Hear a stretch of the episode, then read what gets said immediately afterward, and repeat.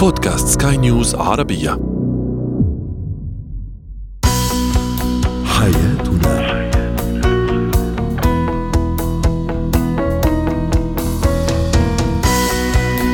كل عام وأنتم بألف خير مستمعينا الكرام واهلا بكم إلى برنامج حياتنا برنامجكم اليومي الذي يعنى بشؤون الأسرة وباقي الشؤون الحياتية الأخرى والذي يمكنكم الاستماع إليه عبر منصة البودكاست لسكاي نيوز عربية معي أنا طيبة حميد.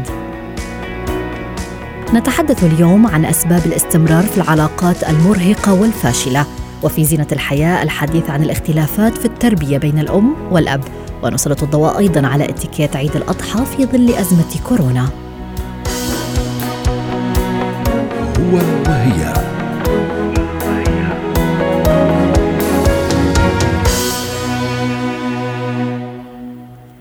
الكثير من الأحيان نجد أنفسنا مدفوعين نحو إكمال علاقة فاشلة لا أمل فيها ولا يوجد أي شغف نحو استكمالها أو الاستمرار في هذه العلاقة. ولكن رغم ذلك لا نملك الشجاعة اللازمة لإنهائها أو التعامل معها بالحسم والصرامة اللازمة وذلك لوضعها عند مفترق الطرق. إما تصحيح مسار هذه العلاقة وعدل كفة الميزان وإما هدمها. ولا شك أن هذه العلاقات تكون مرهقة ورغم ذلك تجد نفسك مقيدا لا تستطيع اتخاذ القرار. فما السبب وراء هذا التمسك؟ للحديث عن هذا الموضوع تنضم لنا دكتورة عزة حامد زيان استشارية العلاقات الزوجية والأسرية. أهلا بك دكتورة عزة. البعض منا قد يكون يعني بالفعل في علاقة غير مريحة ومرهقة بما يكفي وهو غير سعيد. وعلى الرغم من ذلك نجد أنفسنا متمسكين بهذه العلاقة. في البداية لنتحدث عن مفهوم العلاقات الفاشلة وما الأسباب وراء هذا الارتباط؟ أهلا وسهلا ومساء الخير وكل سنة وكلنا طيبين وعيد سعيد ينعاد علينا كلنا بالفرحة والسعادة والهنا يا رب. أهلا بك. النهارده الحقيقة أنتوا فاتحين موضوع مهم جدا. كتير مننا مر بعلاقات فاشلة في حياته. في مننا اللي انهى العلاقة وفي مننا اللي لسه مستمر برغم الفشل. سريعا بس كده هنقول إحنا ليه بتفشل العلاقات بينا. نعم. اولا إحنا اخترنا بعض غلط. إحنا مش مناسبين لبعض. طريقة تفكيرنا مختلفة تصرفاتنا مختلفة ردود أفعالنا اهتماماتنا تربيتنا قناعاتنا. مختلفين اختلافات واضحة جدا وصريحة. تاني حاجة مركزين قوي على عيوب بعض.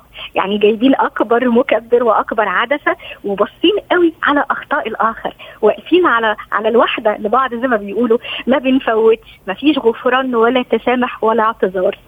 ثالث حاجة ما عندناش ثقة في نفسنا ولا في الآخر. مش حاسين بالأمان مع بعض.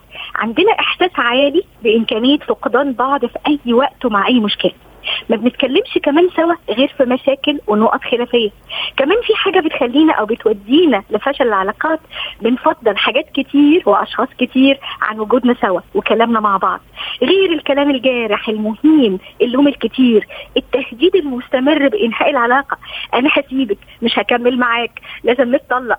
كل دي بتخلينا أو بتودينا لفشل العلاقات.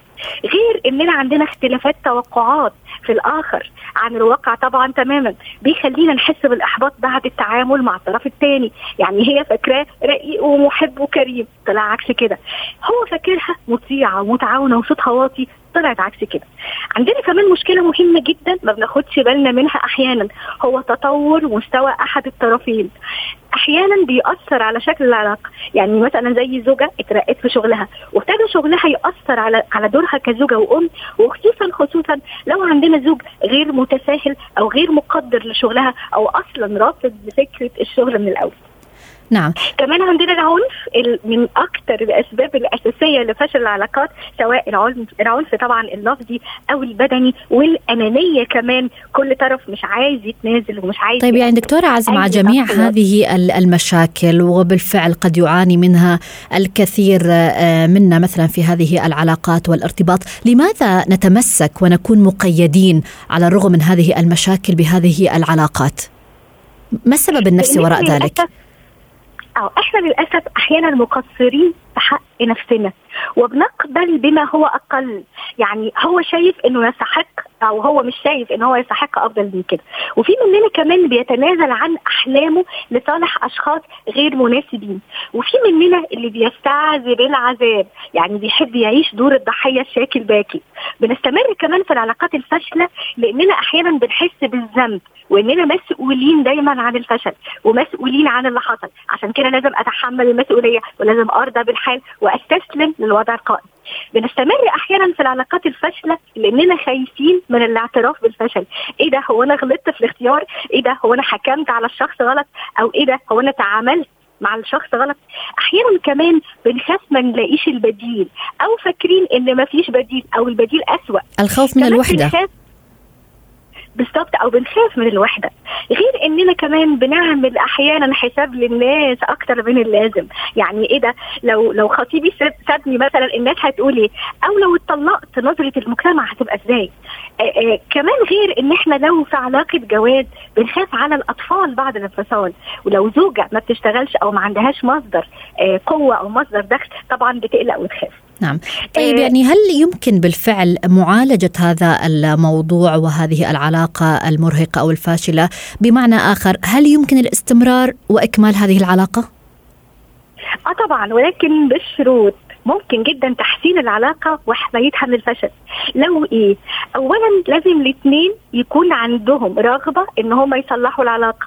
نبتدي ندور على أو عن السبب الأساسي اللي وصلنا لكده. إحنا ليه مش طايقين بعض؟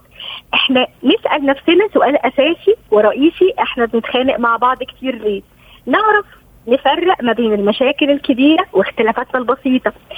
المشاكل الكبيرة نقعد نحلها ونشوف بديل للحلول كمان ونتفق على شيء وعلى هدف إنه إحنا عايزين نكمل لأنه في فرق انه اثنين مش عايزين أصلا يكملوا ولكن لو عايزين يستمروا لازم يقعدوا ويفكروا إحنا ممكن نحل إزاي ولكن بدون تدخل الاخرين وتحت بدون تدخل الاخرين. كذا خط احمر لأن أحيانا تدخل الاخرين بيكون سبب أصلا في فشل العلاقات.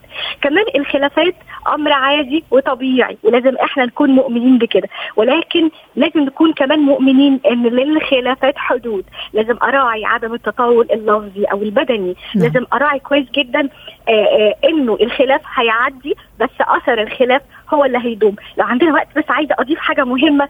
عشان أنقذ علاقتي مع الآخر من الفشل أتجنب الاستهانة بحقوق الطرف الآخر حقه في الاهتمام والاحترام والتقدير والحب والمشاركة والمناقشة والتواصل. وأخيرا بتمنى نجاح كل العلاقات لكل اثنين وكل سنة وكلنا طيبين وعيد سعيد. شكرا لك دكتورة عزة حامد زيان استشارية العلاقات الزوجية والأسرية على جميع هذه النصائح.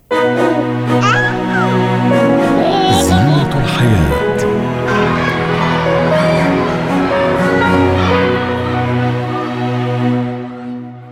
الاختلاف في تربية الأطفال بين الأب والأم هو أمر شائع. قد تجد الأب مثلا يتعامل مع طفله بطريقة مختلفة تماما عن الأم والعكس صحيح. وفي آخر المطاف من يتحمل النتيجه هم الأطفال. يكبرون بطريقة قد تكون مربكة غير متزنة نتيجة التربية المتناقضة التي تلقوها. حول اختلاف قواعد التربية بين الأب والأم نتحدث مع ميسون حمزة الاستشارية النفسية والتربوية. أهلا بك أستاذة ميسون معنا، يعني نجد في بعض الأحيان مثلا بعض الأمهات يدللن الطفل وفي المقابل يتعامل الأب مع نفس الطفل بجدية أو العكس قد يحدث أن تتعامل الأم بصرامة والأب بلين هذا التعامل بالتأكيد له آثاره السلبية على الطفل صحيح؟ أهلا وسهلا بك وبالجميع دائما.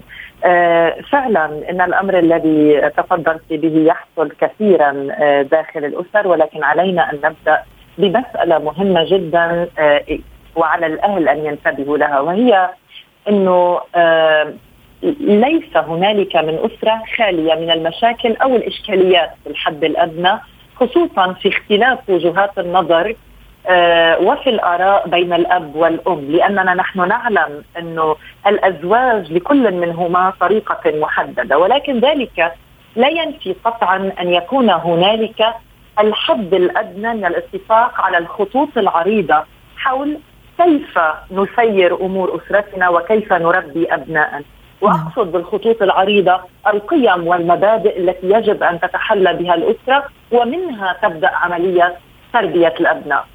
الأمر الخطير الذي يقع في فخه الأهل هو عدم التوافق بين الأبوين على كيفية تربية الأبناء أو اعتماد أسلوب محدد في تربية أبنائنا داخل الأسرة دون أن ننتبه بامور محددة أبرزها أن لكل طفل شخصية من الأطفال، يعني لا يمكن استعمال أسلوب واحد عام موحد في التعاطي مع قضايا الأبناء جميعهم داخل الأسرة وإن كان كل أب وكل أم يطمحان إلى آه، العدالة العدل بين أبنائهما. نعم. ولكن أو المساواة. ولكن العدل هو أن نعطي كل ذي حق حقه بالحاجة التي يحتاجها هذا الولد. وعلى الأهل أن ينتبهوا أيضا عزيزتي أن كل أسرة تقوم على مثلث هذا المثلث يجب دائما أن يكون على رأسه الأب وعندما نقول أن الأب على رأس المثلث يعني الأب هو صاحب السلطة هو مصدر القانون وهو مصدر القرارات الأساسية والهامة داخل الاسره نعم. يعني إذا كان هنالك أمر ما يجب أن يتخذ قرار فيه بحق الأبناء كالعقاب أو القرار مصيري داخل الأسرة يجب على الأب أن يكون هو صاحب هذه الكلمة. ذلك لا ينفي قطعا وجود الأم وشخصية الأم. اود ان استوقفك هنا أستاذة ميسون. يعني الاختلاف بالفعل قد يأتي عادة من فكرة العقاب وأنت ذكرتي هذه الفكرة الآن. يعني فكرة العقاب والتحفيز هنا قد يحدث بالفعل الاختلاف بين الأب والأم. يعني نعم. يعني وهنا أيضا تبدأ المواجهة بينهما. هل يجب أن يتفقا ويتحاورا بشأن نعم. هذا الموضوع من البداية؟ طبعا طبعا لأن هذه التكلفة تكلفة الاختلاف والاختلاف الحاد سيدفع ثمنها الأبناء في شخصيتهم في محاولة الانقلاب على السلطة، لأعطي مثال إذا كانت الأم لا تسمح للأب باتخاذ القرارات أو تكسر دائما قرار الأب داخل الأسرة وأنا أتكلم على المستوى النفسي اللاواعي الأولاد سي يعني سيذهبون بمسار حياتهم إلى كسر سلطة الأب هوانيا يعني باللاوعي لديهم آه، يصبحون عرضة لأن يكسروا دائما هذا القانون وهذا ما نراه فعليا عزيزتي عندما ننظر في المجتمع ليس فقط داخل الأسرة عندما ننظر بالأشخاص الذين ينقلبون على القانون الذين يحتالون على القانون من هم هؤلاء الأفراد؟ هم الأفراد الذين تربوا في بيئة كان هنالك كسر لسلطة الأب أو لصورة الأب والطفل في بنيته وتكوينه يطمح لأن يحصل على كل ما يريده من إشباع من خلال الأم والأب. هنا يجب الاتفاق بين الأم والأب مبدئيا وأوليا. قبل الإنجاب نحن ننصح دائما في الإرشاد الأسري عندما يريد يقبل طرفان على الزواج يجب أن تذهبوا لاستشارات أسرية لدى مستشار أسري لكي تعرفوا ماذا يعني الزواج وكيفية الإقدام على هذه الزواج. وأريد أن أعطي هنا مثال. عندما ننظر في العصور القديمة وفي الأسر القديمة التقليدية نحن نرى سلطة مطلقة للاب ذلك لا ينفي قطعا صورة الأم وأهميتها داخل الأسرة ومشاركتها ولكن الأم هي مصدر أمان للولد. هي مصدر عناية مباشرة. أما الأب فهو مصدر الحماية وهذه الحماية لها عدة أشكال. الحماية الاقتصادية والمعنوية والقانونية والجزائية. وغيرها من الأمور. هل يجب أن نقسم المهام التربوية أيضا أستاذة ميسون؟ نعم نعم. آه، آه، آه، ليس فقط تربويا. يعني الأمر هنا أبعد. نحن نتكلم عن البنيه النفسيه للأفراد. على الشريكين أن يكونا على مسافة واضحة من ماذا يريدان من بعضهما البعض وكيف يريدان أن يسيرا نعم. أمور الأسرة. أنا اليوم عندما أريد أن أتخذ قرار بحق أولادي عندما يستشيرونني بأمر ما أنا أعلم أني سأقيم حوار عن بعد مع الأب سأتشاور معه وسنتفق أن من يصدر القرار هو الأب لأنه هذا مهم جدا في بنية الولد النفسية وفي كيفية توريده إلى المجتمع باحترام السلطة واحترام القانون وطبعا نحن لا نريد للأبناء. أن يكونوا ضعفاء الشخصية أمام بالتأكيد. الأهل. نحن نريد أن نفتح سيروره الحوار لكي ينمى لدينا أو ينمو لدينا أجيال آه، قادرة على اتخاذ قرار مسؤول جريء واضح بعيد عن المشاكل وبأخف وضحت وضحت الفكرة. شكرا نعم. لك ميسون حمزة الاستشارية النفسية والتربوية. اتكات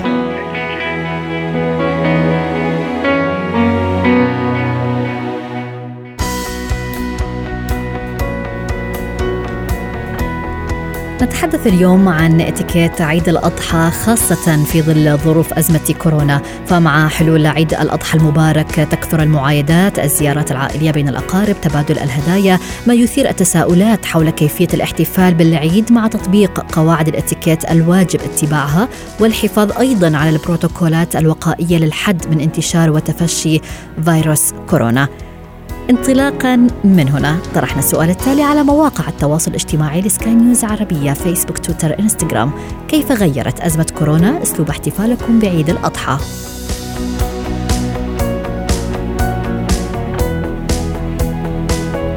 من ضمن التعليقات الواردة على منصات سكاي نيوز كانت لمنير الذي قال غيرت الأزمة كثيرا التغيير أصبح بنسبة 80% أما ريم فتقول إذا قمنا بزيارة أحد أفراد العائلة أو الأصدقاء سنكون حذرين جدا وأول تغيير هو غياب المصافحة.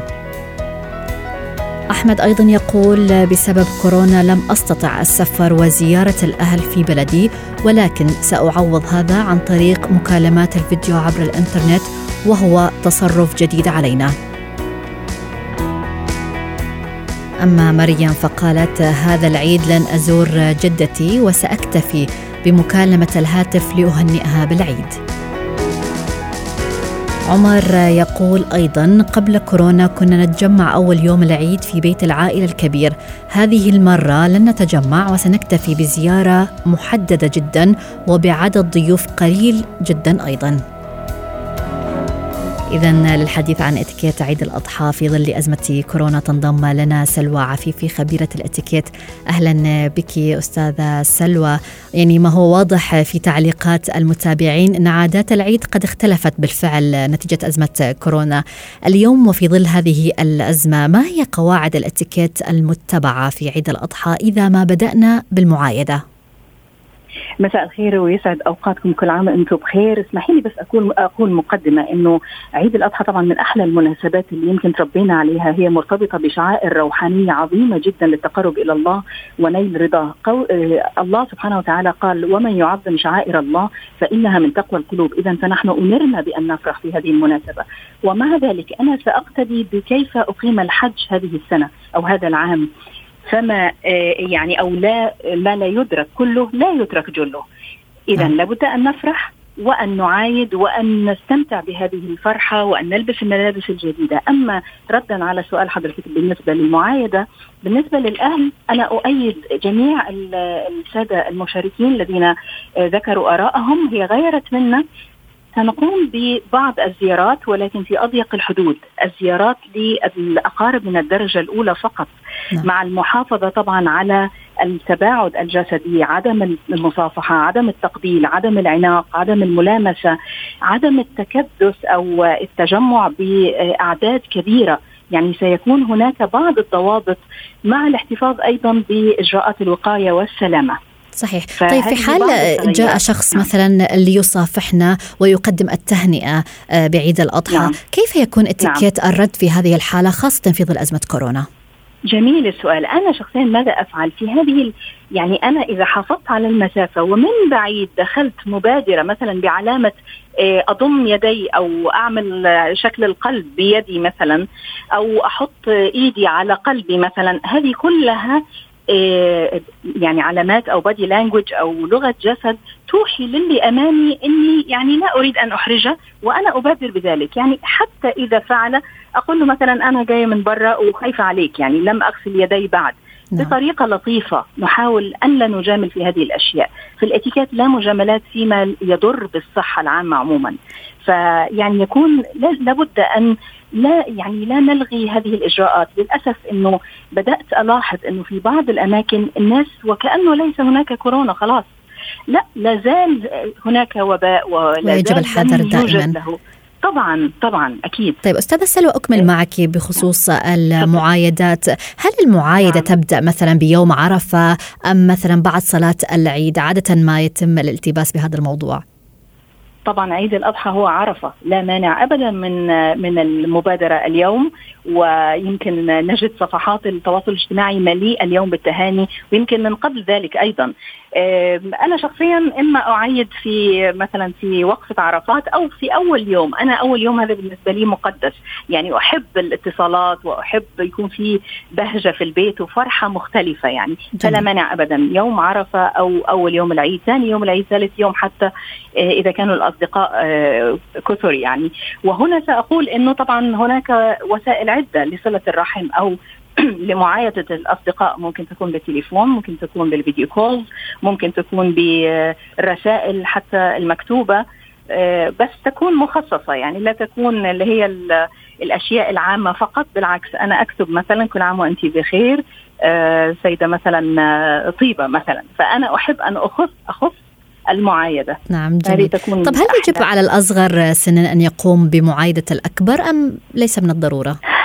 يعني هو جرى العرف ولكن لا مانع ابدا. يعني أنا مثلا بنات إخواني مثلا أتصل فيهم أحيانا إذا هم لم يتصلوا. يعني خلينا نأخذ الأمور بأبسط. آه صح المفروض إنه الأصغر يقوم بمعايدة الكبير خاصة إذا كان مثلا يعني كبير في السن أو الجد نعم. أو الجدة أو مثلا ناس كبار في السن أو محتاجين مساعدة. فلا مانع ابدا من أن يبادر الصغار بذلك.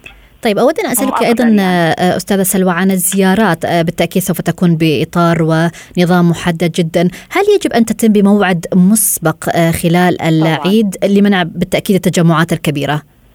بالتأكيد أكيد لابد حتى زيارات العيد لابد أن تكون باتصال مسبق وتكون في الوقت الذي يريح أهل البيت وتكون قصيرة. يعني الوقت يكون يكون قصير وليس من الضروري أن يذهب كل أفراد الأسرة. نعم. يعني نقلل من الأعداد. جميل. وضحت الفكرة. شكرا لك سلوى عفيفي خبيرة الإتيكيت.